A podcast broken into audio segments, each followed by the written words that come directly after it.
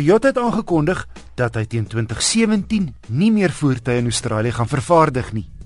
Dit volg op die hakke van General Motors se aankondiging dat hy ook oor 3 jaar sy laaste Holden gaan bou, terwyl Ford oor 2 jaar produksie deur onderstop sit. 5 jaar gelede het Mitsubishi sy aanleg daar gesluit. 'n Magtige vakbond, 'n sterk Australiese dollar en 'n relatiewe klein mark is van die redes. So, teen 2017 gaan Australië geen voertuie meer vervaardig nie met 50 000 werksgeleenthede verlore. Suid-Afrika se redding is 'n sterk uitvoergedrewe motorbedryf. Kom ons kyk na twee briewe van luisteraars. Josephine Twee skryf: "Haar man bære hulle kar op 'n domkrag wanneer nie gebruik word oor 'n lang tydperk nie en sy wil weet of dit nadele inhou."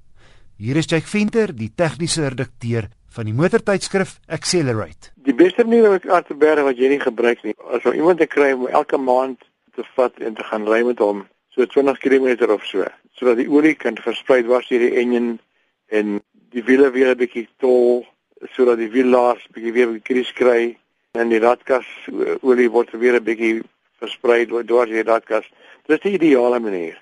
Dis nie altyd prakties nie die tweede beste is om die ding maar op staande te laat staan sodat die daar nie uh, massa op die wiele is nie dat die wiele nie gewig dra nie dan is dit nogtans 'n goeie ding om vir eenmal 'n maand die enjin laat loop vir 10 minute of so. As dit nie moontlik is nie, dan moet 'n mens maar jy kan by oliemaatskappye kan jy 'n spesiale olie koop wat jy in die enjin sit.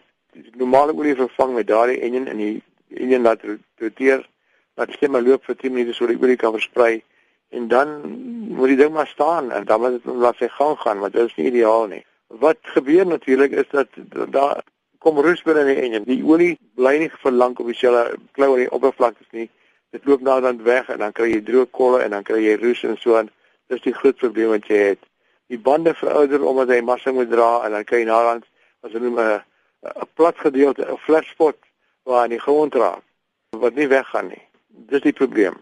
Jake sê dit is 'n mite dat jy jou kar eenvoudig kan bære en jy dan dink jy jou kar so spaar of oppas. Nee, ek sê dit is baie interessant. As jy 'n kar vir 5 jaar ry normale gebruik en om vergelyk met 'n kar wat vir 5 jaar staan ergens op in 'n waanhuis op staaners. So jy vind dat die tweede een wat lank staan, het jy meer nodig om om op te doen as as die eerste een nie. As gevolg van die roes en en die laars wat nie grease het nie en al daai soort van goed.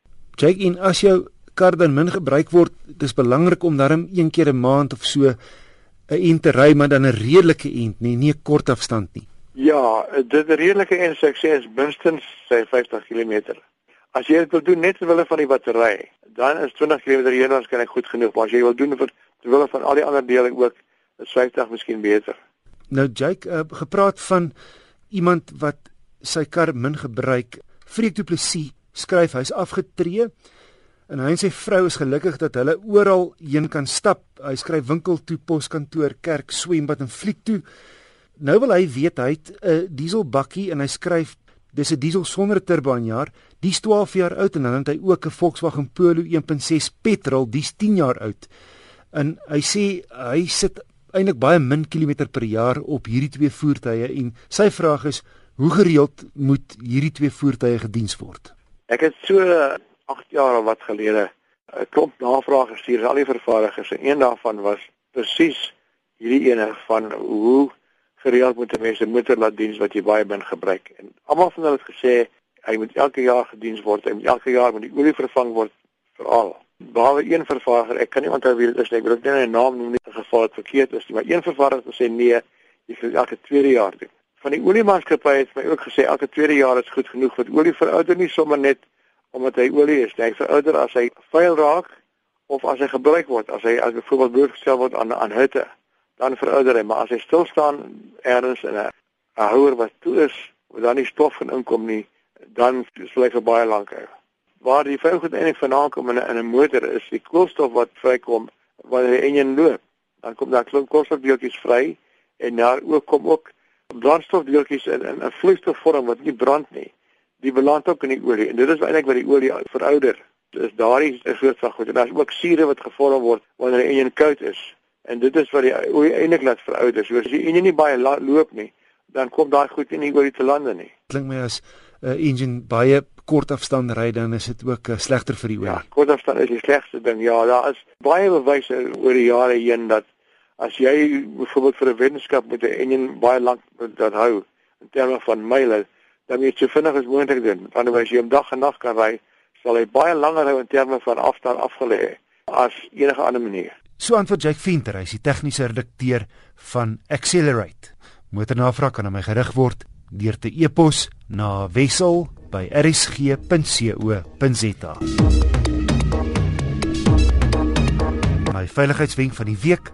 Verlede naweek moes ek twee keer in my triespieël kyk want 'n vrou bestuur 'n groterige 4x4 terwyl sy 'n sigaret rook en selfoon teen die oor gesels.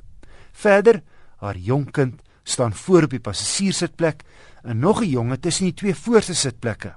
Onthou, kinders onder 13 jaar hoort agter vasgegespe.